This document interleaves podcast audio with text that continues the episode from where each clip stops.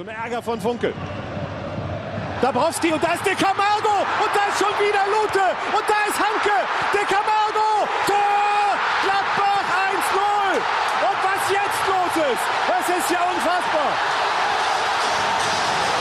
Der Borussia Park flippt aus auf den Rennen auf den Hei Rasen. og hjertelig velkommen til ny episode og ikke minst ny sesong av Gladbach-podden. Vi skriver 1. august, og det er allerede mindre enn ei uke til sesongstart. Mitt navn er fortsatt Einar H. Dyvik, og jeg har med fast podmedlem Markus Agøy Sand fra Oslo. Hjertelig velkommen.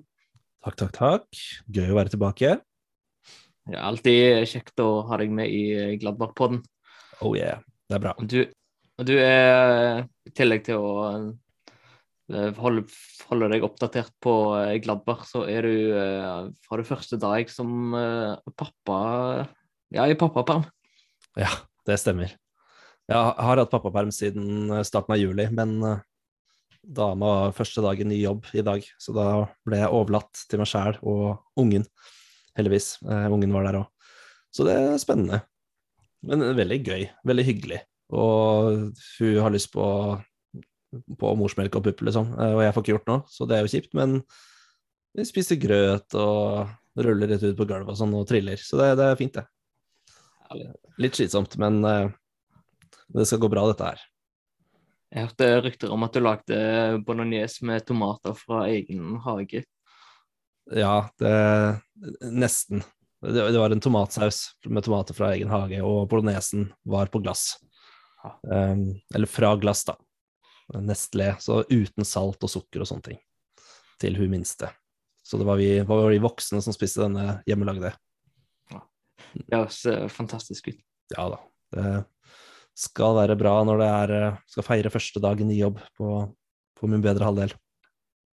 Eh, Med meg så har vi òg vår kjære Tony Janske, som eh, stepper inn når eh, det er en av oss eh, andre som ikke kan være med. Så siden Gard er å passe på en masse tyske turister på Hurtigruten, så hjertelig velkommen til Bjørnar Morønning. Jo takk, jo takk. Du holder til i Bergen, du òg? Yes da, Åsane er stedet mitt, vet du. Så nå er det sommerjobb i Åsane Tidene, lokalavisa som er her, og dekker eh, 39 lag i Norway Cup eh, herifra, så det er eh, mye jobb.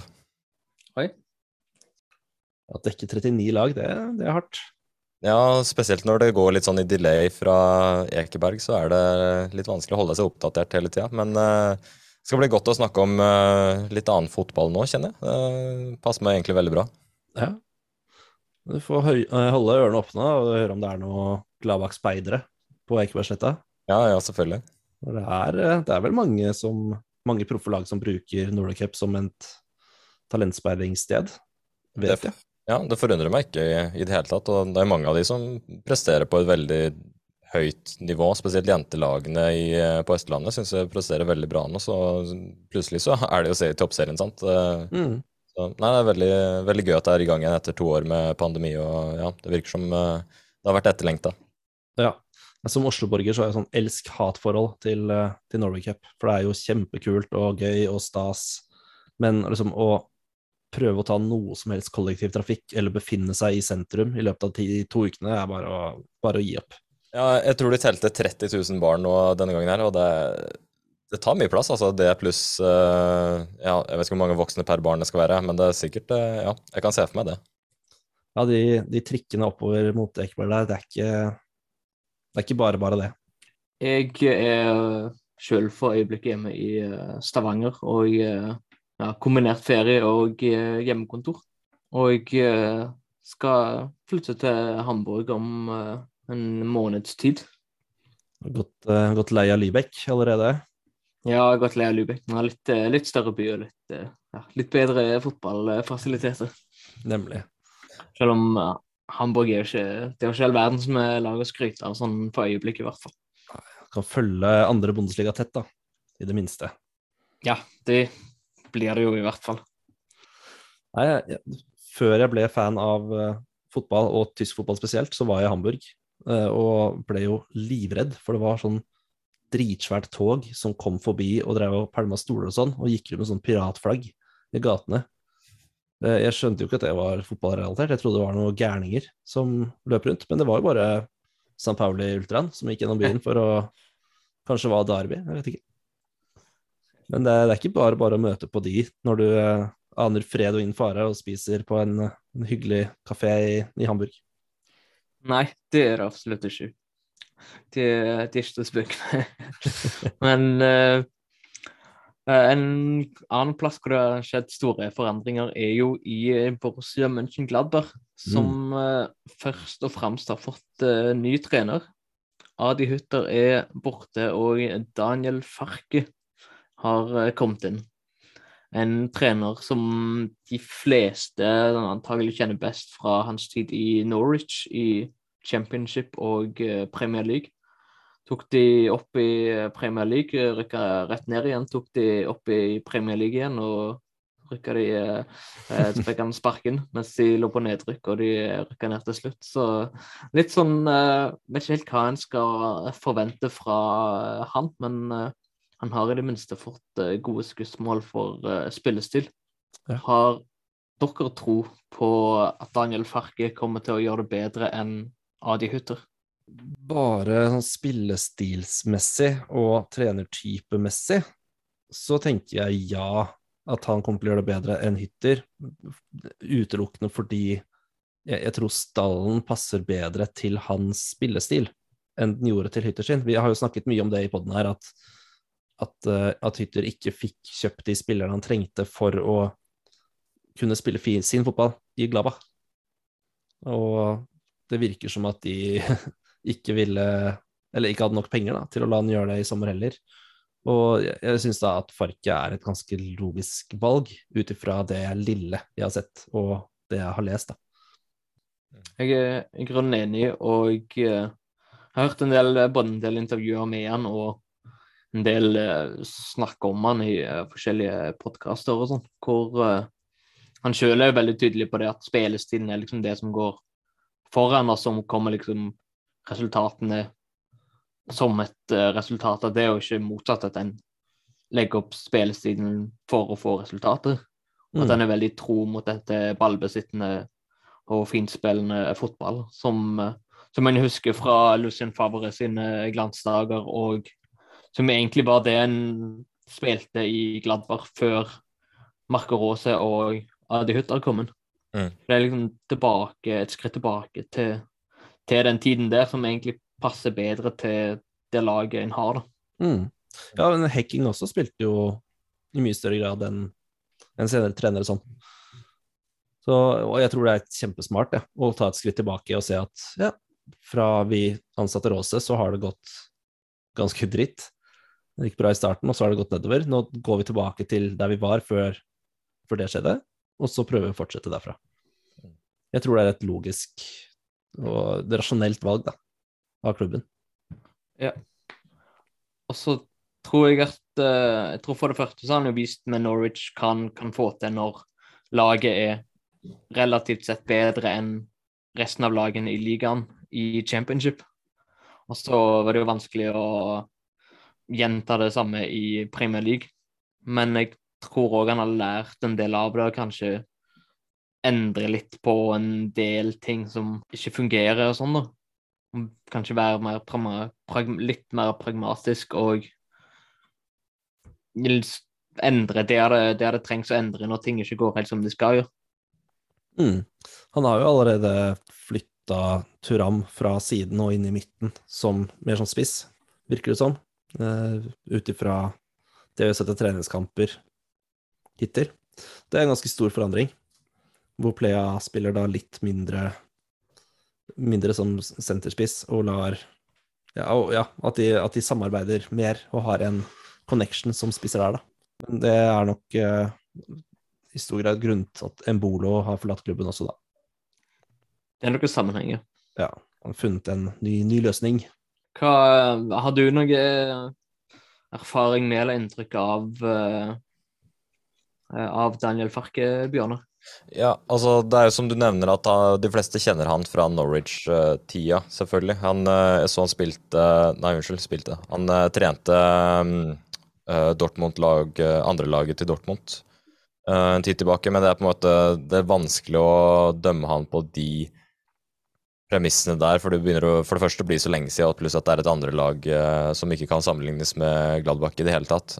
så for min del så må jo jeg bedømme han fra tida hans i Norwich, og det er jo som du sier, det har vært mye opp og ned. Det er, sånn, det er litt urettferdig å dømme han ut ifra Norwich, for Norwich er i utgangspunktet en jojo-klubb, syns jeg. Fordi at eh, de er litt for gode til championship, og så er de litt for dårlige til Premier League, sånn at de vil alltid være i det sjiktet hvor de går opp og ned, opp og ned. Um, på den måten så har jo Farke egentlig gjort nøyaktig det han skal i i Norwich, så da må man jo begynne å se på sånn som dere snakker om spillestil og, mm, og hva slags type fotball han er mest komfortabel med. da, og mm, altså jeg skal være helt ærlig si at Førsteinntrykket var ikke sånn overveldende entusiasme for, uh, for min del, fordi, nettopp fordi at han har vært i Norwich, og da er det vanskelig å, å på en måte skille mann fra, fra laget. Men um, basert på det dere sier om måte, ja, hvordan han kan tilvenne sin spillestil, som ligner veldig på det vi hadde før ja, som vi hadde for et par sesonger siden, bare, så det jo, virker det som er egentlig veldig lurt trekk med tanke på de vanskelighetene vi har hatt, uh, spesielt de to siste sesongene nå. Så jeg, jeg, føler han er den stabiliteten som laget trenger nå. Uh, og så holder jeg meg litt avventende til hvor mye han kan få til, spesielt på kort sikt. Men jeg er selvfølgelig åpen for å gi han den tida som, som trengs for å kunne etterlate et inntrykk da, over hva slags, um, hva slags uh, prestasjoner han kan få til med spillestilen som han uh, ønsker å innføre i, i klubben. Så, så, er også spørsmålet hvor mye ekstra penger det er uh, i klubben bare fordi han har den spillestilen framfor ja, Adi Hytter, da, som hadde en litt annen spillestil. selvfølgelig, du må jo overbevise sportssjef og det som er om at de her er de riktige spillerne for, eh, for, klubben, men på den annen side så altså, Penger er jo like stort som altså, i går som de var i dag. Sånn hvis du ser bort fra rent uh, økonomiske prinsipper, selvfølgelig. Men uh, ja, nei, så um, jeg holder meg litt avventende enn så lenge. Men, men ja, jeg tror det kan være fin, fint at han er i klubben for den stabiliserende effekten som vi, som vi sårt trenger. Mm. Jeg var heller ikke noen i ekstase da han ble annonsert fordi jeg liksom har ikke så mye kjennskap til han, og jeg følte kanskje at at Gladbach fortjener en man har hørt mer om, siden det er en såpass stor klubb. Men eh, liksom, jo lenger tid det har gått, og jo mer jeg leser sånne ting, jo mer tror jeg at det kan, kan være et, et, bra valg, da. Mm. Og, og, gå litt tilbake, som jeg snakket om i stad. At det ikke trenger liksom pushes forover hele tiden. At uh, la oss gå tilbake til der det funka bra sist, og så finne den personen som passer best inn til å lede oss videre derfra igjen, da. Mm, og jeg veit ikke hvordan, føles, hvordan, dere følte dere etter uh, forrige sesong, men jeg føler på en måte at jeg trenger en klubb som, som snakker til sin tradisjon, da, og det dere snakker på at spillestilen spillstilen er veldig lik, det, det, tror jeg kan være en veldig viktig ting for de som kanskje føler at ja, at tilhørigheten til klubben kanskje har blitt litt mindre under Adi Hytter, uh, fordi at det var veldig frustrerende å se på se på det innimellom. Så um, nei, jeg er ganske enig i at uh, du må, du må liksom ikke hente, hente, Mourinho hver eneste gang for å kunne ha bra fotball. Du, det holder godt med å hente en Farke som, uh, ja, som er kanskje litt anonym, da, men som kan bringe tilbake litt fotballglede for, uh, for fansen igjen. Jeg vet ikke. Mm. Ja, det virker jo allerede som at det er veldig god stemning blant fansen og fans til lag, men ikke minst innad i laget, og at, at spillergruppa har tatt imot Farke på en veldig god og, og bra måte. da. Mm. mm. Det er i hvert fall det han har uttalt, og visse spillere har uttalt. At det er god stemning på treningsfeltet og i garderoben. Da. Denne ideen om at Gladbach skal spille underholdende, den går egentlig tilbake til 70-tallet med Weisweiler og Fallen Elf og liksom storme i angrep og, og, hele pakken. da. Så det er jo egentlig noe som ligger i klubben sitt DNA, for å bruke den litt, litt flåsete floskelen der, men uh, likevel. Som uh, likevel en gjeldende floskel i, i tide og utide. Mm. Ja, men så Gladbach på sitt beste er jo Da er det, da, er alt, alltid tar kommentatoren og sier at dette er jo nesten som å se dem på 70-tallet. Så, så det, det, ligger jo noe i det. At det, og klubber drives og, og, spiller på helt forskjellige måter. Så jeg tror nok at det, at det ligger noe i det du sier der, da. Men eh, er det, er det litt en fordel for både han og for klubben at den ikke har sånn kjempestore forventninger, at den er litt sånn forsiktig optimistisk, men ikke, ikke forventer at han skal ta de ut i Champions League igjen med en gang? Det gir egentlig veldig bra forutsetning for Fark, i hvert fall, tenker jeg. Som får arbeide litt i fred med, med å etablere seg sjøl og spillestilen som, eh, som, han vil ha. Så jeg tenker at det er utelukkende positivt at uh, alle relativt sett er enige om at uh, det ta, vil ta tid, og at uh, det er greit at hvis det blir en litt sånn under par i sesong, så um, altså Ja, nei, jeg tror egentlig det, det, er bare positivt at man ikke på en måte jager etter den visjonen som det lenge var snakk om, da, på at man skulle være Champions League-lag og i det hele tatt, men at man kan ta trykk på den reset-knappen et lite øyeblikk og gi litt pusterom til å jobbe en sesong eller to med å virkelig måte etablere, etablere seg. Så kan man begynne å snakke kanskje om, uh, om Europaligaen og Champions League igjen uh, etter det. Jeg vet ikke hva dere tenker, jeg. Altså, det har jo ikke vært dårligere stelt i, i Gladbach på ti år. Uh, og økonomisk så har det ikke vært ja, det må enda lenger tilbake i tid, da, for det har vært så dårlig. Så jeg, jeg, tror de fleste fansene vet at økonomien er ganske dårlig. Har ikke råd til å kjøpe inn masse spillere. Vi har ikke råd til å fornye kontrakter. Vi har ikke råd til å erstatte de spillerne som går ut, nødvendigvis. Med mindre man har noen kjempesalg, som man sannsynligvis ikke får. Eh, så jeg tror både klubb og fans er innstilt på at dette blir en gjenoppbyggende sesong. Hvor vi prøver å spille bra, underholdende fotball og finne tilbake til den spillestilen og, og, den sjelen som klubben har og har hatt. Og så, som du sier, litt senere ta oss og, og jage etter Europa og sånne ting. Men, men likevel, eh, i likhet med denne spillestilen og Fallen Elf og alt dette, så ligger det i klubbens DNA å konkurrere i toppen. Så jeg tror nok det, det skal ikke mange seire til før fansen begynner å uh, håpe på og forvente kvalifikasjon til Europa. Så det, det, kan gå halvveis en stund uten at det er noe stress, men så fort det begynner å gå litt bra, så tror jeg mange, mange fans vil hoppe på en, en, større og større forventning. da. Jeg er grunnen enig, da. Også, jeg tenker jo liksom Særlig under, under Rosa og sånn, så var det et veldig uttalt mål at den skulle at den skulle kvalifisere seg for uh, Champions League at den skulle liksom ta det neste steg og sånn, og at da var, det, da var jeg veldig skuffa når han ikke klarte det. Og særlig når, han liksom, når det gikk så dårlig som de gjorde siste, siste halve sesongen under Råse og nå under Adi Hutter, egentlig. Sånn at nå hvor en liksom ikke Hvor en tenker at så lenge en får se liksom at klubben gjør framskritt, og at en får se hvor laget liksom gir alt og spiller fin fotball, så får en liksom mye av det en, en håper på og forventer, og så er det greit om en kommer på åttendeplass. Mm. Mm, absolutt. Jeg tror at, at klubben kan tape, men så lenge de har gjort alt de kan, så er det greit. Men det har jo vært flere ganger de siste årene at, uh, at spillerne tydelig ikke har gitt alt. Og det er vel bydd på vel så mange problemer som tapen i seg selv. Men, men det er ikke bare en ny trener som har kommet inn dørene på eh, Borussia Park. Det har kommet inn eh, et par eh, nye spillere. Og blant de så er det Ko Itakura, som var på utlån hos Schalke i fjor, fra Manchester City. Og nå har Glabber henta han på permanent overgang. Du har litt mer om denne japaneren, Bjørnar. Ja, ja, som uh, janske så kjenner jeg mine midtstoppere, holdt jeg på å si. Nei ja. Det, uh, dette er jo en uh, japansk 25-åring som uh, starta sin karriere, karriere i tredjedivisjon i Japan. Der ble han fort henta opp til uh, førstedivisjon, hvor det ble ganske lite spilletid. Så det er overraskende at Manchester City kom og henta han i årsskiftet 2019.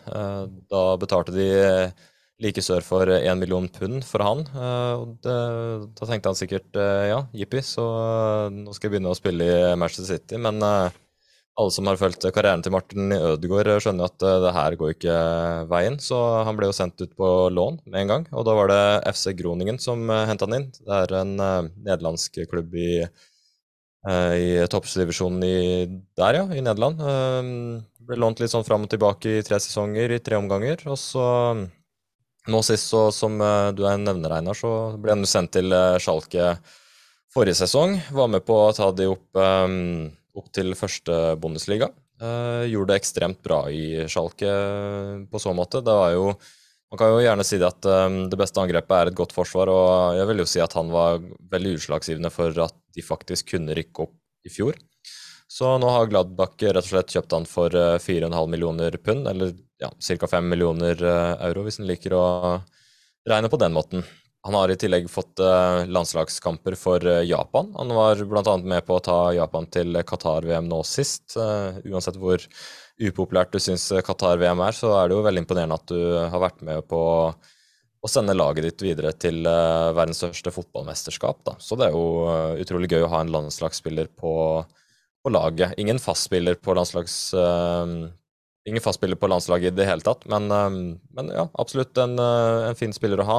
Han spiller jo han har spilt mest eh, midtstopper, men eh, på transfermakt så er han jo faktisk eh, registrert som en defensiv midtbane hos Gladbach. Og jeg måtte jo selvfølgelig gå inn og se hva greia med det var, fordi at um, hos Schalke så har han jo veksla lite grann, og han har vært stort sett um, midtstopper i Groningen, så um, Men det viser seg å være en veldig, en veldig versatil hardtarbeidende og en veldig avgjørende mm, karakter å ha i Forsvaret. Så jeg er veldig positiv til å ha han eh, på plass eh, hos oss eh, sammen med en solid, solid sommer. Så kan det bli ekstremt bra. Og han virker jo veldig komfortabel i, i rollen mellom midtstopper og defensiv midtbane. At han glir ganske greit mellom de to posisjonene. Så det sier kanskje også litt om spillestilen han har. Så ja, kanskje det er det som, som skal til for at vi holder nullen på jevnlig basis. Eh, selv om det er godt å ha sommer, så trenger han jo gode forsvarsspillere. Så nå som Ginter er borte, så er det, tenker jeg det er spesielt viktig at vi har en god, eh, en god midtstopper. Så jeg ser ikke bort ifra at han kan være en, en fin erstatter til, eh, til, Ginter, altså, tenker jeg. Jeg tror han er litt sånn samme stil som Håvard Nordtveit. At han, at han liker best stopperollen, men uten store problemer kan skifte over til en litt mer ja, Kramer-aktig defensiv midtbane. Ja. Mm. Det passer jo egentlig ypperlig inn i uh, troppen. Og mm. uh, jeg tror det er en sånn type spiller hvor det er som det er lurt at uh, Gladberg henter nå, som har en del erfaring, og som, uh, som har bevist at han, at han, kan en del, som ikke er en rent upolert talent, men som, som likevel har en, en framtid foran seg, og som ikke er liksom 32 år gammel. Mm. Men som kan gå inn og styrke laget med en gang. Det er, jo, ja, det er absolutt det vi trenger nå. Altså Ginter for min del var et stort tap. Altså, selvfølgelig kunne det vært et uh, mye større tap hvis han hadde gått til Bayern München eller uh, noe sånt, men uh, når han går til Freiburg, så er det jo litt bedre, da. Men det er fortsatt um, Han var jo en bauta i laget vårt de siste par sesongene, så det var tungt å miste han. Og, men etter hvert som jeg har sett litt mer av det Co gjør. Jeg kaller han bare Co, jeg klarer ikke å si hele navnet. Så nei, jeg er veldig, veldig positiv til, eh, til, at jeg kan få til, um, få til å tette det tomrommet. Mm. Ja, han ser ut til å ha gjort det greit uh, på treningskampene, i hvert fall. Jeg Det er jo ubeseira i alle treningskamper i, i, i, sommer, som er veldig positivt. Ja.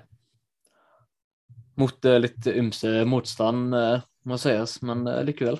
Ikke, mm. ikke så verst. Har dere fått noe inntrykk av om Farke vil fortsette å spille med tre bak, sånn som uh, Hutter gjorde, eller om han vil uh, spille med to bak, eller fire?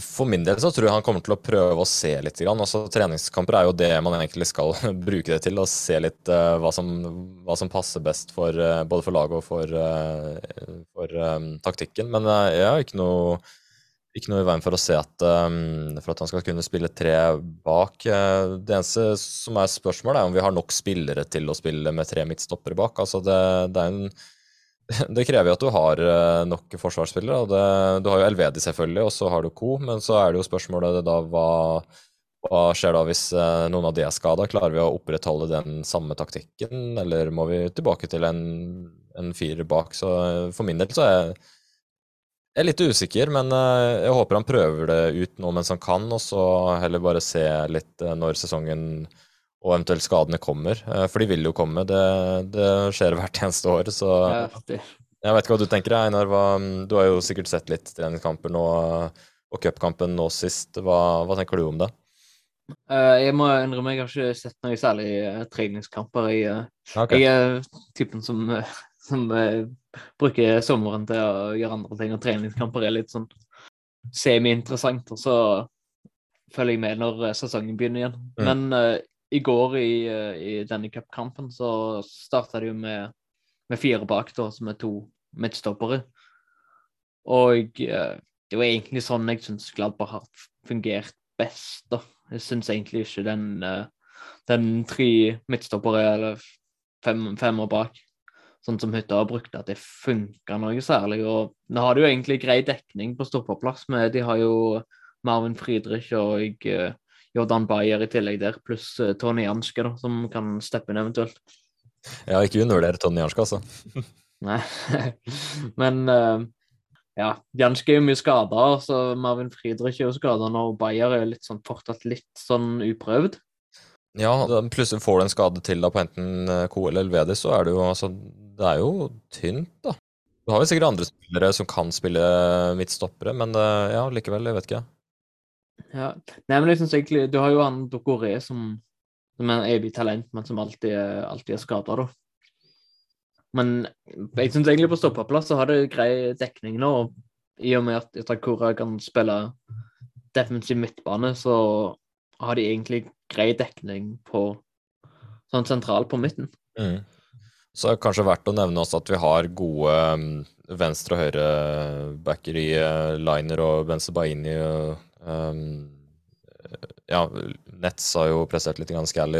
Sant? Så det, vi har jo Jeg, jeg syns det, det er viktig å bruke spillerne for det det er verdt, og spesielt Liner syns jeg gjør en veldig bra defensiv jobb. Så hvis du skal dytte han lenger opp i banen, så er det jo Det krever i hvert fall mye mer av han da, for å kunne hjelpe til defensivt også, hvis, um, ja, hvis du kjører tre bak, så ja, nei um, jeg, jeg håper egentlig han går litt for uh, firer bak, men selvfølgelig er jeg jo veldig åpen for, å, for at vi skal prøve en treer bak også, hvis, hvis laget er komfortabel med det og klarer å forsvare på en forsvarlig måte. Hva tenker du om det, Markus?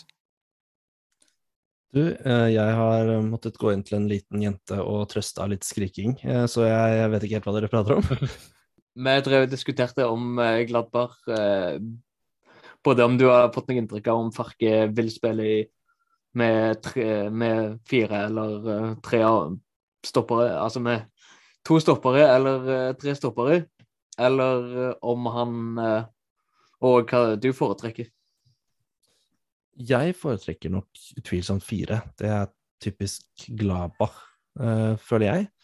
Og så spilte vel også Farke med fire bak det året han rykket opp med Norwich, om jeg ikke tar helt feil. Ja. Så jeg tr tror og håper på at uh, to midtstoppere og to raske bekker i Benzebeini og Liner, forhåpentligvis, kan, uh, kan fungere fint.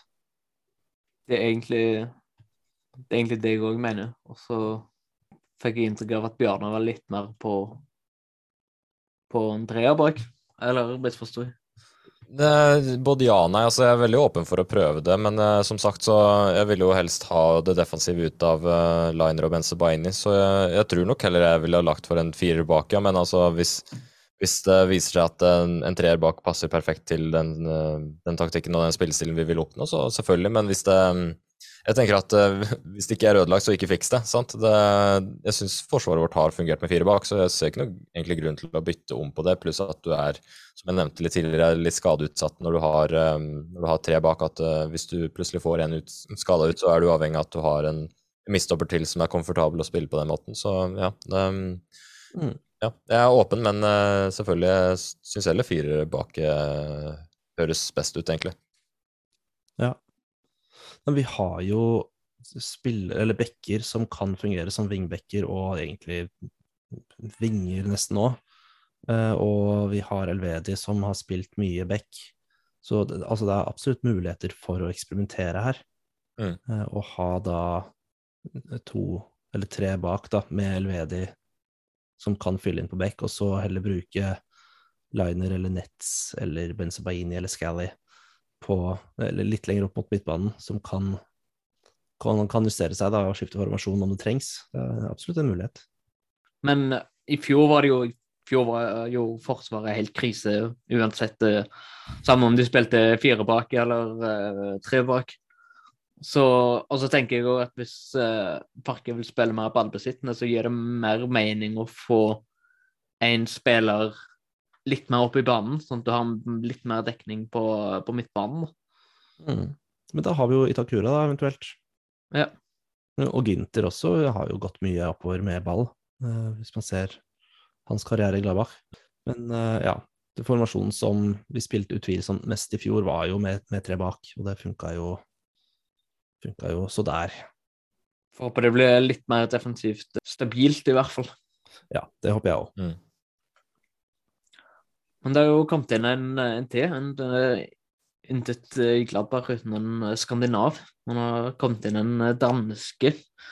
Jakob Fraulo, Markus.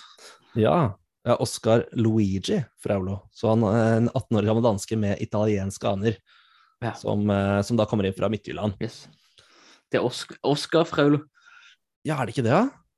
Det, jeg, jeg har notert meg Jakob, men det er mulig jeg har plukka det opp fra et eller annet. Jeg vet ikke hvorfor jeg har fått det fra meg at han heter Jakob. Kanskje fordi jeg tenker han er dansk, da må han hete, han hete Jakob Jakob. eller Jesper eller ja. noe sånt. Nei da, han heter, eh, han heter Oscar. Men jo, kom fra Midtjylland, og visstnok veldig underholdende spiller med, med god, god til å drible og god fot. Eh, Mulig framtidig erstatter for eh, Neuhaus eller Kone, men sannsynligvis en direkte erstatning av BNS, tror jeg. Altså sitte på benken og hoppe inn når det er nødvendig, sånn som Beners har, har gjort. Eh, Jeg tror det er eh, at han kanskje er liksom litt i samme klasse som Luka Netz da han kom inn, at i utgangspunktet så er du andrevalget, men gjør du det bra på trening, så, så får du sjansen. Eh, og, og Gladbach er jo kjent for å satse på unge spillere og sånn, og gi de sjansen, så vi, vi kan jo håpe det. Men eh, ja, nei, ja, vi får håpe han får sjansen. Jeg, jeg tror egentlig den, den egentlige grunnen til at vi kjøpte Fraulo, var jo for, som du sier, å ha en skandinav i klubben. For Andreas Paulsen, han går jo ut. Så da trenger vi en, en skandinav. Og vi, vi kjøpte vel Paulsen også fra Midtjylland, så det er jo hyggelig, da. Vi selger en eks-Midtjylland-spiller og kjøper en, kjøper en annen. Håper Fraulo gjør det litt bedre enn eh, Andreas Paulsen. Ja, det får vi håpe. Han uh, skårte i hvert fall hat trick uh, i Youth League i oktober, mot Rosenborg, faktisk. Nei? Yes. Han, uh, ja da, han har spilt seks kamper i Youth League og skåret uh, fem mål og tre assist. De vant jo den ene kampen 10-1, tror jeg, mot, mot Rosenborg. Men ja, så det blir slått ut av, av de som endte opp med å vinne Youth League Benfica. Eh, ellers så har han stort sett kun spilt for U19-laget til Midtjylland. Han har vel noen minutter på førstelaget, men det er ikke mye å snakke om. Spilte 22 kamper der og skårte fem mål og ti assist. Så altså, For en sentral midtbanespiller så er ikke det så, så gæli når du er, har vært 17 år. Så vi får jo håpe at han, eh, som du sa, får prøve seg litt mer enn en Beners. Og vokse, i, vokse inn i klubben, da. Og bli en, bli en ordentlig Gladbach-spiller. Mm. Danmark er jo nå det landet som har flest spillere på Gladbach gjennom historien, som utenom Tyskland, da. Vi har eh, god dansk eh, tradisjon. Det er bra. Får vi håpe det dukker opp en nordmann sikkert på Gladbach om ikke så altfor lenge. De har jo Sander Kristiansen på U19-laget. Ja, om han, om han fremdeles er det, jeg er litt usikker. Jeg har liksom ikke hørt noe om han på, på år og dag, føler jeg. Jeg tror ikke han har spilt noe særlig sånn, men eh, Jeg mener at det leste i eh, Bergens Tidende eller noe sånt om at han uh, klagde på at det var Eller angra seg litt, da. At han hadde gått fra Brann til Gladbach så tidlig som han gjorde. Han gikk vel når han var 15 eller noe sånt. Og at han ikke hadde fått helt, eh, helt uh, den tilliten og den flyten som han hadde håpet på. Men uh, det er det er mulig jeg eh, husker feil og blander med en annen uh, brannspiller, men uh, Jeg tror han var nevnt i en artikkel der. Men uh, Bjørnar, du som er lokal uh, journalist i Bergen, du får uh, grave dypere i dette. Ja, Jeg, jeg, jeg har faktisk fasiten nå. du har fasiten, ja? Ja, han hadde kontrakt til 1.7.2022, og den ble ikke fornyet. Så han står faktisk uten klubb. Nei, da ser man.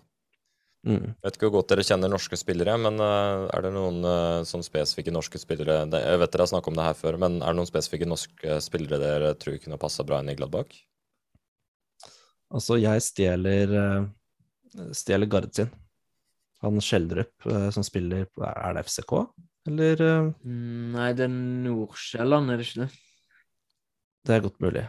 Men eh, han har jo vist seg å være kjempeartig å se på og, og spille fotball som kunne passa godt inn i Gladbach, tror jeg. Mm. Ja. Så han håper jeg litt på.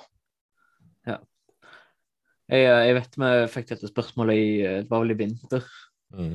Og jeg, da svarte jeg eh, Christian Thorstvedt, men da gikk jo han til Sassuolo i uh, italiensk Serie A.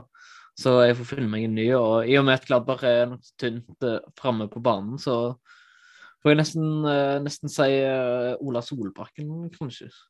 Ja. Ja, det er ikke så dumt, det, selv om han gikk til Roma nå. Han gikk til Roma nå, ja. Yes. ja. Og to, Torsby til uh, Union. ja. Uh, men altså, dette lover jo godt for uh, norske landslaget om fem til ti år, da. Det er mye unge, gode spillere der ute nå. Mm. Det er det. Mm. Får vi se om noen dukker opp i Gladbach etter hvert. Så har det jo eh, to eh, nye, to gamle nye spillere. Hannes Wolff har kommet tilbake fra utlån hos eh, Swansea. -hmm. Og uh, Rocker Wright har eh, kommet tilbake fra utlån hos St. Troiden i uh, Belgia. Og så har de eh, tatt opp en uh, spiller fra U19 som heter Ivandro Borges Sanchez. Og eh, han fikk, fikk da et innhopp i cupkampen i går mot Ober Arren. Og uh, så veldig lovende ut, i det ene hoppet. Absolutt. Han, har jo skåret også i, eh, i, eh, i sommer, i treningskamper. Husker ikke om det var mot Real Betis eller hva, det var, men han har i hvert fall skåret. Sociedad, kanskje. Det er godt mulig. Men han ble jo 18 nå i mai. Og kom fra Luxembourg og spiller fast på landslaget der. Så det er jo Det, det virker lovende. Ikke at Luxembourg er liksom kjent for uh, sine enorme eksport av fotballspillere, men uh, han er visstnok et sånn megatalent. Så det, vi får håpe at dette går, går veien. Ja. Så har også U17 og 19-laget kjøpt inn masse unge talenter i sommer. Så det, det virker som at klubben som helhet satser litt på ungdommen og fostrer opp egne. Det får man håpe, for det er lenge siden det har kommet opp noe særlig fra, fra ungdomsakademiet. Mm. hvor Reis var vel forrige som fikk en uh, debut. Han spilte vel én kamp i var det 2019? Høsten Ja. 2019. No, noe sånt. Og så han er- ja, fikk et utlån nå, sikkert. Sikkert fornuftig at han får litt spilletid Mm. en annen plass. Og så får vi håpe han uh, kan uh, få noen innhopp nå denne sesongen her. Det får vi håpe. Mm. Det er jo i hvert fall en veldig fin måte å dyrke eh, club spirit på. Da. I hvert fall hvis du bruker egne fostra spillere og, og har det inn i startelveren. Og ja, skårer et mål, så er det jo helt ekstase, for det er en av sine egne som har skåret. Og ja, nei, jeg er kjempepositiv til det. Så må man jo bare avveie litt sånn hvor mye spilletid man kan gi, og om det er bedre å sende de på utlån hos sted. Da. Eh, Så ja, det er jo alltid en vurdering man må ta. Mm. Hva tror dere om Hannes Wolff? Tror dere han kan få en ny vår i eh, Gladbach? Han var jo, ja, var jo lite imponerende, for å si det fint, når uh, sist gang han var i klubben. Ja, jeg, altså Jeg vet at han, han har det nok i seg. Uh, han har skåret noen mål for Swansea og sånne ting som, uh, som var veldig fint. Og han, altså, han ville jo ikke blitt kjøpt helt uten grunn. Og han, han har vist tendenser flere ganger, og jeg tror at hvis det bare klaffer for han, så kommer det til å gå bra. Men det har på ingen måte klaffet så langt. Men jeg, jeg tror og håper at han får, får sjansen. Han har også liksom, erfaring fra, fra England, i likhet med Farke, som kan, kan være fint. Jeg vet ikke. Jeg prøver å grave frem noe eh, positivt der, men Championship er jo ikke den letteste ligaen i verden, og det vet Farke, og det vet Wolf, og de kan kanskje snakke sammen om det, da. Og så tror jeg han passer mye bedre til Daniel Farke og mer sånn ballbesittende stil enn den uh, kontringsfotballen til Adi Hutter. For uh, han er jo ikke Han er jo litt, uh, litt veik i duellspillet og sånn. Mm. Han trives bedre med ball enn mot ball. Godt poeng. Mm. Jeg tror også Gard ville vært enig i det, sjøl om han var veldig motstander av Hannes Wolff. Motstander er så hardt. ok, mindre fan, da. Ja, takk. Nei, men, ja.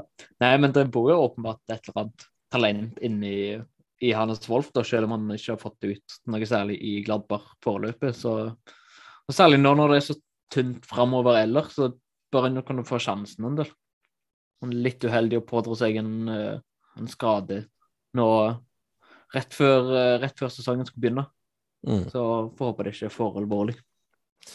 Nei, det står ikke noe om når han er forventet tilbake. Men det er mange som er skada. Freidrich og Conné og Stindel også. Ja. Det er egentlig skaden til Conné som bekymrer meg mest. Han, jo, han, var jo for meg den beste spilleren i fjor, så å ikke ha han denne sesongen her, det, det håper jeg virkelig ikke skjer. Men vet dere noe mer om skaden hans, eller? Jeg tror ikke det er så alvorlig.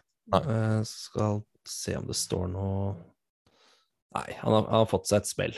Ja. Det er det det står.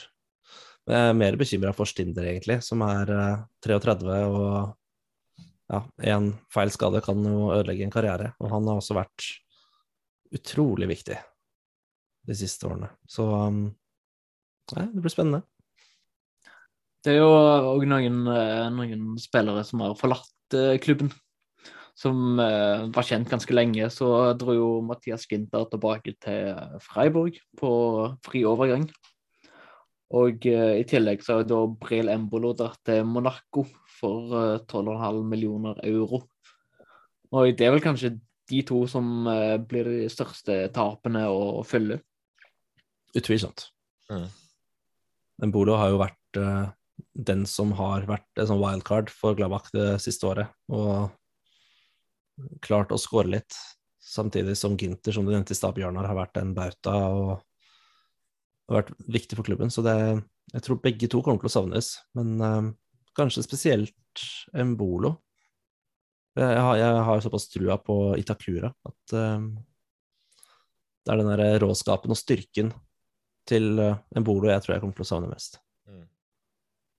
Mm. Ja, nei, jeg tror, det, jeg tror det var viktig å ha en spiller som Embolo i, i troppen, men jeg husker vi snakka så vidt om det når overgangen ble kjent, at, um, at det kanskje er like greit å bare holde på å si, ta penga og investere det et litt bedre sted. Vi har jo som Jeg tror det var du, Markus, som nevnte at vi har noen spillere som som går ut på kontrakt som det kanskje kunne være greit å investere litt i, og at, um, at, det kanskje er bedre bruk av pengene enn på Embolo, da, som kanskje likevel ønska seg et, en forandring, kanskje. I hvert fall det jeg fikk Ja. inntrykk av, av det siste. Absolutt. Og vi solgte han for 12,5 million, eh, kjøpte han for 11 19, 2019. Og altså, å få 12,5 12,5 million for en spiss i dette markedet her, som har ett ett år igjen på kontrakten, er jo dritbra. Mm. Eh, og ja, jeg, jeg skrev det på Twitter at eh, valget mellom å selge Embolo og å fornye kontraktene til Sommer og Hoffmann, eller å miste uh, Sommer og Hoffmann og beholde Embolo, da, da er valget lett. Det er, eh, det er det jeg tror, da, at de pengene brukes til. Å forhandle nye kontrakter. For det, det må litt penger til for å holde på, på spillere som Sommer, for det spesielt. Det må nok det. Men så tror jeg òg at de Jeg blir overraska hvis de i hvert fall ikke prøver å få tak i en uh, ny spiss eller offensiv midtbane, eller en som kan gli inn i en av de uh, offensive posisjonene, for der er det, der er det ganske tynt. Ja. Det har uh, vært snakk om Julian Weigel. Ok, Men han er jo ikke offensiv sånn på den måten. Nei, det er uansett veldig, veldig rart. Eh, og så er det en, eh, skal vi, en kroat som er beryktet Ikke beryktet, men ryktet. Men hva han heter, det finner jeg ikke. Det var en berykta kroat òg. falt jeg ut. Berykta Ja, det kan godt hende. Berykta fått en giftig hørefot. høyrefot. Åh, det, det kunne vi trengt. Jeg skal finne ut av det. Han hadde litt Det er ikke sikkert jeg klarer å uttale det navnet. Var det han som Freiburg òg hadde vært og snust på? Skal vi se Bellio heter han. Dion Drena Bellio. Det står ikke noe rykter på Transfer Market om eh, noen av klubbene. Nei. Men hvem vet? Det vil, eh, det vil vise seg etter hvert. Mm, men det er liksom en kjempe på 1,95 som er spiss. Mm. Eh, Eller ja, tier, da. Så Ja. det, det kunne vært fint, det. Det Er nok litt styrke i han òg. En beryktet kroat. Veldig riktig. Mm. Jeg må si om Embolo at jeg, eh, det, blir jo, det er jo et tap for klubben. Delvis, i hvert fall. Det er jo en god spiller på sitt beste, en som Ja, en som man på en eller annen måte må starte i, i de offensive rekker. Mm. Men likevel en som jeg mener klubben har råd til å tape. Det er ikke sånn som hvis Jan Sommer hadde gått, fra å du liksom kaptein og soleklart, uh, soleklart beste keeperen i laget, en av de beste i ligaen. Mm. Og så tenker jeg òg at eh, Embolo det har vært sånn Det har vært mye sånn glimtvis og litt nesten og sånn, og liksom vist, vist hva han kan og har ekstreme fysiske ferdigheter, men så er det et eller annet At han kommer liksom alene med keeper og skyter rett på keeper eller skyter ved siden av mål og sånn. Han burde egentlig Hvis han hadde, hvis han hadde liksom vært bedre avslutteregenskaper, så hadde han jo vært nesten der oppe med Haaland, liksom, hva gjelder det gjelder både uh, fart og uh, styrke. Mm. Så at han liksom At en ikke At det er en spiller som ikke får ut hele potensialet sitt, da. Mm, som det er litt frustrerende å se på. Ja. ja, med tanke på at han ble kjøpt for 26,5 millioner av Schalke fra Basel. Han var jo, han var jo den nye superstjernen. Eh, Så kom jo skader og sånne ting, så ja. Men, men du syns du, du vil Eller hvis du fikk velge mellom å Gladbach skulle kvitte seg med enten Embolo, Turam eller Plea, så er det Embolo som burde gå? Jeg tror egentlig jeg ville gitt opp uh, Turam, altså, men uh, Mm. Kanskje særlig siden Embolo på vårparten i fjor, så så det ut som han faktisk begynner, begynte å liksom finne litt flyten og formen. Ja. Men så tenker jeg Det er også litt med spillestil, da, at jeg tenker han passer for så vidt bedre i den mer kontringsretta uh, lengderetning fotballen til Adi Hutter, som går liksom på Går raskt fra forsvar til angrep, og da har du en som kan holde på ball, og mens de andre kommer framover. Mm. Mens han er kanskje ikke den som passer mer til den litt mer, litt langsommere, litt mer ballbesittende fotballen som Daniel Farke med all sannsynlighet uh, har tenkt å spille. Og hvis han vil spille i Monaco, så er det, så er det jo bedre at Gladbach får eh, penger for han og kan eh, investere de på andre lure måter, som, som dere har vært inne på allerede. Mm. Ja, vi, snakket jo litt om det før, eh, før podkasten, men eh, det er visstnok uh, omstrukturering eh, av Farke og gjøre om, gjøre om Tram til spiss og Plea mer som tier, og så la andre jobbe på kantene. Men nå liksom den kreativiteten dem imellom, da, og de kjenner hverandre så godt, at, det, at det kan bli en, en farlig duo på topp, og det, det tror jeg kan stemme. Så, men altså, jeg ville jo heller ha en, eh, en ordentlig spiss. Mm. Hva tenker dere om at uh, Lars Lobenic er solgt til Hamburger Sportverein? Jeg tror han passer mye bedre der, jeg. Bare sånn Jeg vet ikke hvorfor, men, men han har liksom hatt noen gode glimt i Gladbach, og så aldri fått sjansen, og så har han liksom råtna litt bare på benken, stakkars. Eh, beste frisparkfoten i, i klubben. Nei, jeg, jeg, jeg syns det er greit. Det, jeg syns det er synd at han ikke har fått ordentlig sjansen, men han har jo ikke fått sjansen pga. prestasjonene sine på trening etc. Så det Kanskje han ikke er god nok for Gladbach, men god nok for Hamburg, rett og slett. Nei, jeg skulle bare eh, legge til at han, jo, han var jo eh, Han var i Augsburg eh, for en sesong eller to siden før nå, mener jeg å huske. Spilte ganske bra der. Og ja, nei, jeg får litt det samme inntrykket at han er liksom ikke det klubben vår trenger akkurat nå, da. Uh, uh, ja, nei, jeg føler liksom ikke at han har en fast plass uh, verken i troppen eller på benken. Sjøl om selvfølgelig sikkert god fotballspiller, men det er bare Nei, jeg tror det var riktig han å gå til en annen klubb, og spesielt i, i, i Sveiterliga.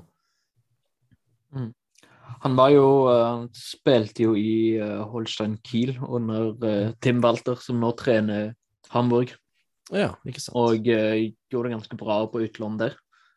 Så det er åpenbart en trener som kjenner til han, og han kjenner til treneren. og ja, Jeg er enig. Jeg tror det er et, et nivå som passer han bedre, og som, hvor han nå kan få liksom, en del kamper på rad og få bevist hva han, han kan. Noe som er vanskelig i den midtbanen som Gladbach hadde mye av den tiden han, han var der. Mm. Og så er jo eh, godeste Andreas Paulsen, som jeg så vidt var inne på, eh, gått til Åleborg. Han uh, fikk én kamp for Gladbach, en offisiell kamp mot BSC Harstedt i første runde av DFB pokal for et par år siden. Og det ble med det ene innhoppet der. Fikk 30 minutter der. Og uh, det hadde blitt noen utlån og litt sånn. Og mm. uh, nå er det solgt. Som uh, kom som en som skulle Var vel egentlig tenkt at han skulle erstatte Oskar Bent når han kom til klubben, men ble aldri så god som han hadde håpet. Nei. Og klubben sa jo også at både Paulsen og klubben var skuffet over hvordan ting hadde utartet seg, da. At klubben klarte ikke å tilby det han trengte, og han klarte ikke å tilby det klubben trengte. Så det var bare å dra, rett og slett. Er det et svakhetstegn for uh, klubbens uh, speidere at de ikke klarte å se at han ikke hadde det som trengs for å lykkes i glabber? Nei. Det alle gjør feil innimellom. Til og med Max Ebel uh, hadde noen veldig rare signeringer. Så det, det, det, skjer en gang iblant. Og altså, Benesh er jo også et eksempel. Han har jo nesten ikke spilt Bennets, som du ikke har nevnt ennå, men sikkert kommer til å nevne. Man kan se det et, uh, som et svakhetstegn, så kan man bare se det som uflaks. Og nå har vi hentet en ny fra hans gamle klubb, og se, prøve å få Fraulo bedre, da. Ja. Du vet jo liksom aldri når du henter noen fra en uh ja, en ung, en ung, spiller med potensial. Du vet aldri hvordan de utvikler seg, hvordan de kommer til å takle nye omgivelser og sånt. Du har aldri noen garanti for det, selv om de virker som en Både som de har ferdighetene og personligheten til det. Ja, altså, man veit jo ikke altså Det kan godt hende Lewandowski flopper i Barcelona òg. Det, det, skjer jo. Det kanskje. Mm. Så som du inne på, så er det òg noen andre som ikke har fått så mye spilletid i klubben, som er borte. Blant annet da Keenan Bennett. Han hadde vel signert for Darmstadt nå, var det det? Jeg er usikker. Nei, Bennett er vel uten klubb? Ja, enn så lenge. Jeg så han var i hvert fall linka til enten var det Darmstadt eller så var det Karlsruhe. Det var en ja. klubb i andre Bundesliga, i hvert fall.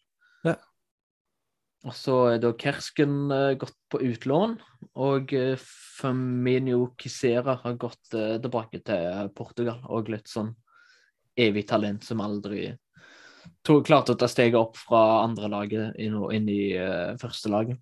Mm. Nemlig. Får vi håpe det går bedre med Borges Sanchez. Det får vi håpe. Men det jeg tror at han, eller inntrykket jeg har fått, er at han er en spiller som kommer til å bli solgt om to sesonger for en haug med penger. Så vi får håpe at han får noe innhopp, og at han er så god som ryktene sier. Ja. Mm. Hva tror dere om eh, Hvis vi skal se litt inn mot sesongen, hva tror dere om, eh, om laget? Hvem kommer til å bli lagets uh, viktigste og beste spiller? Og hvem kommer til å bli toppskårer for klubben? Toppskårer er veldig vanskelig for meg å bedømme, i hvert fall. fordi at vi har liksom ikke For meg så har det ikke vært noe sånn kjempetydelig hvem som skal skaffe måla fra før. Og da har det på en måte bare blitt at Hoffmann har skaffa måla våre. Så jeg, jeg, stiller meg fortsatt litt sånn usikker på hvem som kommer til å skaffe de fleste måla. og kanskje er, kanskje er, det like greit, fordi hvis vi skal følge Fark liksom sin, sin måte å spille på slik vi ser det, så er det kanskje like greit at vi har spredd skårerne våre gjennom hele registeret av offensive spillere. Altså vinger, midten, uh, sentrale midtbanespillere. Altså ja, i det hele tatt. Så men beste spilleren, så altså, jeg har ståltro på um, Atikure, jeg, altså. Uh, jeg tror det kommer til å bli kjempebra. Og basert på hvordan jeg har sett han spille, så ja, jeg tror virkelig han kan måle seg med like, hvor imponerende Kone var når han først kom, for min del, altså. Altså, Gladbach hadde jo 13 forskjellige målskårere i fjorårssesongen. Så det er jo, som du sier, Bjørne, at det er, eh, det er vanskelig å liksom komme med én en spiller som skal skåre mest, siden vi har så mange som kan skåre, og spiller den fotballen som, som vi gjør. Men eh, så er det jo det også hvordan, hvordan, den fotballen kommer til å forandre seg med, med Farke. Men jeg har faktisk skikkelig trua på, på spissduoen Turam og Plea. At det kan bli en, eh, en trussel, da. Når man har Hoffmanns uh, Hoffmann og Neuhaus sin pasningsføtter, og Kone ikke minst, som kan kan mate litt, og vi vet at Plea og Turam kan være kliniske. Det er bare at de må finne tilbake til den kliniske formen sin. Så håper jeg at sesongens viktigste spiller ikke blir Sommer, sånn som det har vært de to siste åra. Men jeg er også enig med Itakura, at jeg, jeg har litt trua på han. Og om ikke den viktigste spilleren, så i hvert fall den med størst effekt av de nyankomne, eller mest tydelig effekt, kanskje. Mm. Jeg tror han eh, kommer til å gjøre det, gjøre det godt i forsvar. Så vi håper at uh, Freidrich holder seg frisk og også kan, kan bidra, da. Mm. Hva tror du, Einar? Jeg er grunn enig med Markus uh, når det gjelder Plea og Turam. Jeg tror de kan få en ny vår så lenge de blir værende i klubben. da. Mm. De har fortsatt litt åpent. Men jeg må si Alassane Player. han han så bra ut utover våren i fjor og har jo egentlig en god målteft. Og så tror jeg at Jonas Hoffmann blir klubbens beste spiller. Han, uh, han var så god i fjor. Han uh, begynte å levere på landslaget òg nå. Og uh, tror at så lenge han holder seg skadefri, så tror jeg han kommer til å trives i det systemet som uh, Daniel Farke legger opp til. Har dere noen spillere eller andre fenomen eller uh, ting som dere tror kan bli sesongens uh, store overraskelse? Oi, store overraskelse? Mm, nei. Eventuelt da Sanchez. Ja, det måtte blitt noe sånt, ja. Uh, for min del så ser jeg egentlig Håper jeg egentlig på en sesong uten så mye overraskelser, skal være helt ærlig. Føler vi trenger litt ro, ja. Så ja, nei, holde oss uh, i stabil form uh, ville kanskje vært den største overraskelsen etter, uh, etter, den sesongen vi har hatt nå sist. Og, nei da, men um, altså Man håper jo alltid på at det skal gå veien når du har nye trenere og nye spillere, men um, nei, for min del så ja, nei, gi de unge litt sjanse, kanskje, når det, er, når det er rom for det, og ikke på en måte gå i den fella at det er resultatet som er det viktigste hele tida, men at det faktisk ja, gir, gir spillere sjansen når du først uh, henter de, og ja. Jeg håper virkelig at vi får se noen uh, unggutter, spesielt uh, Borges Sanchez, kanskje. Uh, Skåre et par mål i cupen eller i ja, på bortekamp uh, i Freiburg eller hva enn det måtte være. Mm. Ikke sant. Jeg tror at det er jo ingen stor overraskelse, sånn sett, men jeg tror Florian Neuhaus kan få en ny vår etter en ganske skuffende sesong i fjor. Mm -hmm. Jeg tror han uh, kommer til å trives mye bedre i, under uh, Daniel Farke, og uh, at han kommer til å vise hva han er god for. Oh, det håper jeg. Det håper jeg du har det rett. Og så tror jeg at for å løfte blikket litt litt mer uh, bredt utover uh, Tyskland, eller i hvert fall utover Riden, så tror jeg at uh, Köln kommer til å bli blant sesongens store negative overraskelser i Bundesliga. De uh, har slitt kraftig økonomisk og måtte selge unna et par spillere. og Skal ut i Conference League òg nå, mest sannsynlig, hvis de står over uh, kvalifiseringsrunden nå. Og jeg har ingen tro på at det euforien som de hadde i fjor, skal kunne klare å bære de gjennom eh, tøffe tider nå den sesongen her. Så jeg tror det blir en, eh, en kamp på nedre halvdel for våre eh, køllenske naboer. Åh, det høres lovende ut. Hun håper jeg ikke skyter, skyter altfor høyt her. Men uh... Ja. Nei, jeg, jeg tenker også at, at Köln kanskje kommer til å gjøre det verre enn de gjorde i fjor. Men uh, jeg tror ikke det blir krise for det. Ikke nedrykk, eh, liksom. Det, det tror jeg tror ikke kanskje. det. Jeg, jeg håper at Gladbach gjør det, gjør det bedre enn Köln, i hvert fall. det må jo være eh, sesongens, eh, sesongens mål. Det er vel alltid sesongens mål å komme, komme foran Köln på tabellen. Yes. I hvert fall vinne en kamp mot dem. I fjor det, Nei, jeg vil ikke tenke på det engang. Eh, Ja. Nei, vi må begynne å slå køllen. Det, det skal vi få til. Hvor eh, tror dere Gladbach havner på tabellen? Åh, det, er, det er vanskelig. Men jeg, jeg tror ikke det blir liksom Hvis det blir Europa, så blir det så vidt. Um, jeg har liksom lest litt sånn eh, forventninger og, og sånne ting. Og jeg tenker sjuende- eller sjetteplass. At det er Og det, det er jo en uh, oppgradering fra i fjor. Det er det absolutt. Så kanskje være med i kappløpet om Europaliga og eller Conference League. Eh, Ikke nødvendigvis klare det, men i hvert fall være en, en deltaker i kappløpet.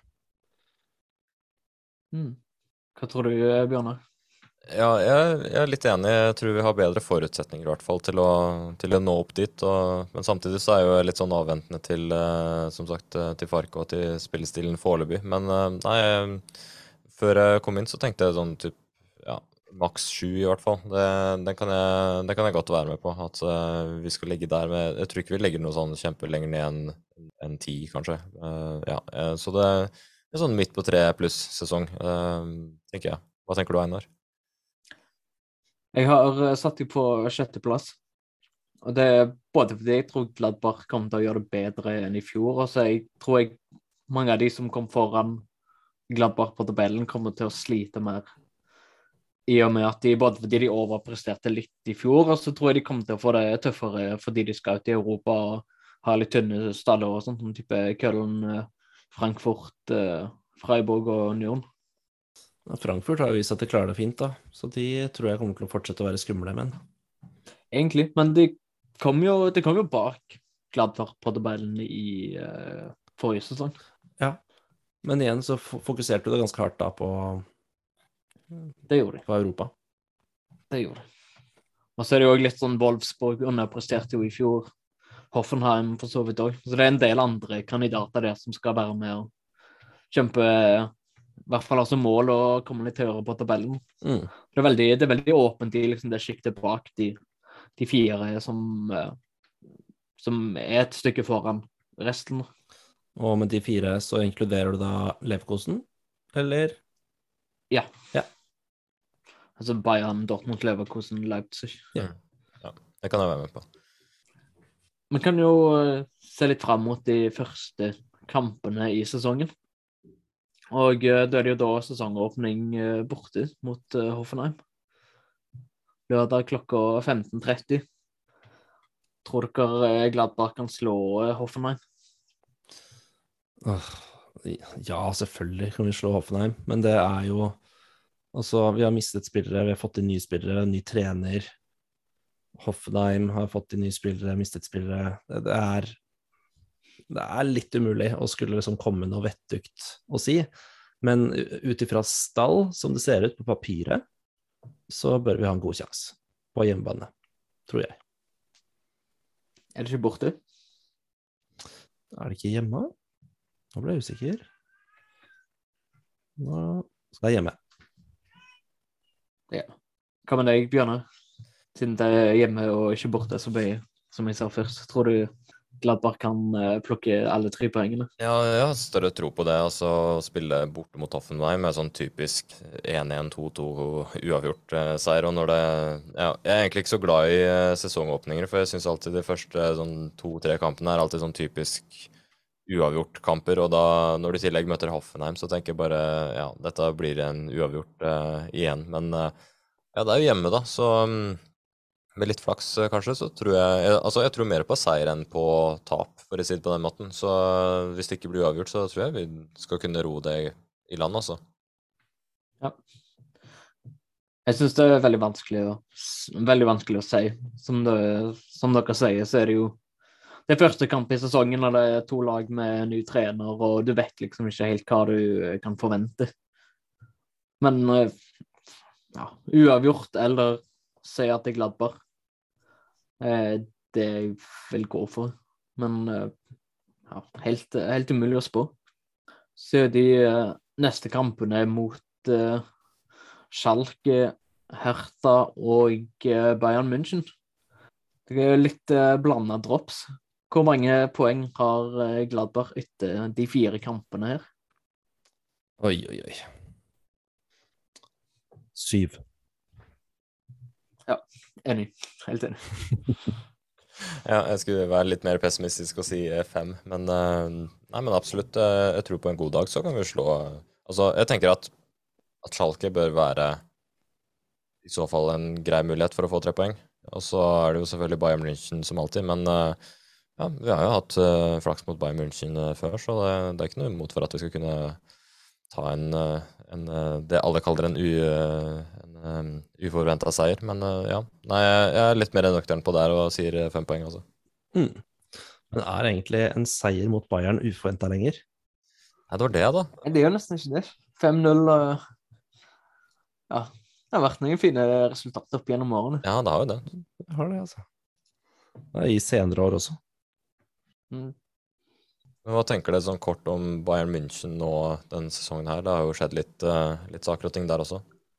De er sterke, synes... men um, ja. ikke nødvendigvis sterkere.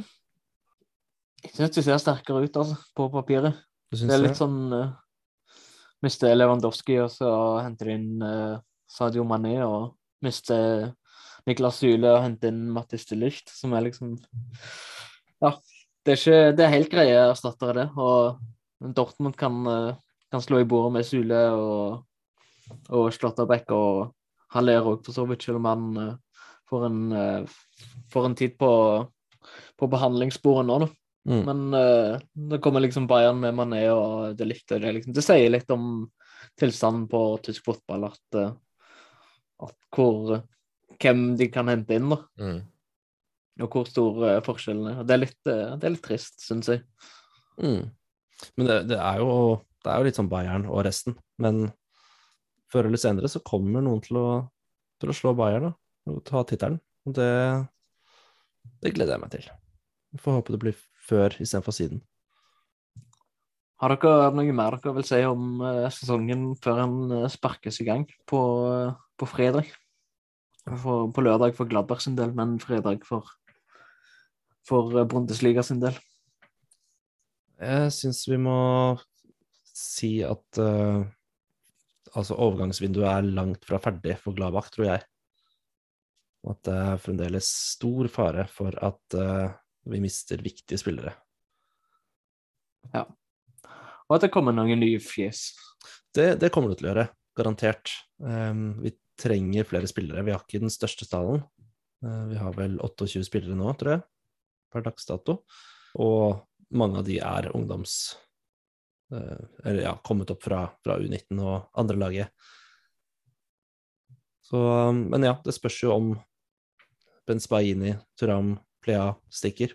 Um, og det er litt uh, Det er trist. Men ja, jeg, jeg, tror det kommer til å skje store ting fremdeles jeg tror det kommer til å gå minst én stor spiller. Mm. Mm. Ja, jeg er helt enig. Jeg er dessverre redd for at det er Plea som, eh, som går. Han har eh, Det ble skrevet om han eh, nå nylig om at både Marseille og Nis og Everton skulle være interessert, så altså, det er vanskelig å, vanskelig å si nei til, til tilbud når det er så mange som er interessert i deg. Westham var vel på bordet et øyeblikk, så jeg, jeg, er mest redd for at det er han som må gå. Men jeg, mm. jeg er helt enig i at det, det hadde vært fint å få de værende, så du kan ja, kanskje prøve ut uh, i et nytt system. da, Kanskje se til, til, eh, til vintervinduet og se om det kanskje er eh, mer aktuelt da. Men eh, ja. Mm. Men igjen så er det jo enten å selge de med fortjeneste nå, eller, eller forhåpentligvis fortjeneste, eller å la de gå gratis neste år. Ja. Så det er jo det, er jo det òg. Og så må vi jo nevne at uh, første runde i cupen er spilt, og Gladbach er videre etter en 9-1-seier mot uh, Oberachern. Mhm. Det er ikke alle lag som kan uh, si det. Nei, Hei Leverkosten og hei Køllen og hei Hertha. men uh, hvem var det Leverkosten spilte mot igjen? Uh, Elfersberg. Å ja, de vi slo 5-0 for et par år siden? Ja. Ja, ok. Ja, nei, jeg bare Ja. lurte. Takk. De rykker opp, Men si til Leverkosten forsvar at eh, Elfersberg rykker opp til tredjeligaen nå, nå eh, sesong. Så det er jo et eh, knall, det er knallsterk motstand de møter. Ja, uff. Ja. ja, men ja, sånn er det. Sånn er det noen ganger. Ja, sånn er det. Nei, vi må ja, Nei, vi må ikke bli sånn her. I hvert fall ikke etter Vær Hannover-kampen i fjor.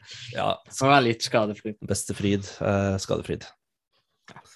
Men um, åh, det var et eller annet jeg skulle si om den kampen. Jo, fordi vi har jo alltid slitt borte i Freiburg, på deres gamle stadion. Men nå kan vi jo si at sist gang vi spilte på forrige stadion til Freiburg, så vant vi 9-1. For uh, Oberachern sitt stadion var det rommet bare 1500 personer, så de fikk lov til å leie Freiburgs gamle hjemmestadion. Så vår siste kamp der, sannsynligvis, den vant vi storslagent. Og det er deilig. Det er det. Har du noe mer du vil eh, legge til om eh, Gladbach eller Farke eller Virkus eller noe sånt, Bjørnar? Nei, jeg gleder meg veldig til eh, sesongen som kommer nå. Jeg- er ganske positiv til at det blir en, eh, en fin sesong uansett, egentlig. Så mm, nei, jeg bare gleder meg til, eh, til det kommer i gang. Og så er jeg som Markus sier, jeg håper ikke det går så veldig mange spillere ut, og at vi kanskje får gjerne ett eller, nytt eller to nytt ansikt inn. Men ja, det er jo en del økonomi i det, så det, det må jo Det er vel fort at det er en spiller som må ut i så fall, da. Men ja, vi får se. Jeg gleder meg i hvert fall. Jeg må bare legge til at jeg gruer meg litt til dette her eh, store Til den lange vinterpausen som skal komme i og med at det er VM i Qatar i november og desember. Ja. Det blir en eh, Det blir, eh, det blir både merkelig og det blir ja, det, blir, det er ikke sånn det skal være. Nei, det blir en veldig oppstykket sesong, og ja, jeg får håpe at Fifa finner ut at sånn kan vi ikke gjøre det. Får håpe det, men uh, der, der er det penger som rår. Så der er det Mm. Men igjen da, så gjør det Bundesliga mye mer spennende på en måte. For du, man får en lengre pause midt i sesongen og kan justere flere ting og trene mer. Eh, Og det er jo stort sett de lagene som ikke har landslagsspillere, som trenger den treninga. Så det kan eh, Jeg tror det kan gi utslag på tabellen, faktisk. At det kommer et, eh, et VM inni der. Det kan du. Så interessant sånn sett. Men uh, skulle helst vært foruten. Det er jeg enig i. Da sier vi takk for oss. Tusen takk til eh, Markus i Oslo. Jo, takk selv. Takk til Bjørnar som stepper inn for Gard. Jo, Yes. takk for meg. Fint å kunne stole på deg, eh, akkurat som Gladbar kan stole på Tony Janski. Det er podkastgodt. Ja, podkastgodt. Ja. Vi er Gladbar-podden. Tusen takk for at du hører på oss, og på gjenhør. Manuel Neuer, der Gegenspieler. Fritz gibt den Ball frei. Rami Benzebaini. Eins, zwei, drei Schritte. Benzebaini. Tor, Tor, Tor, Tor, Tor, Tor. Tor. Zweier.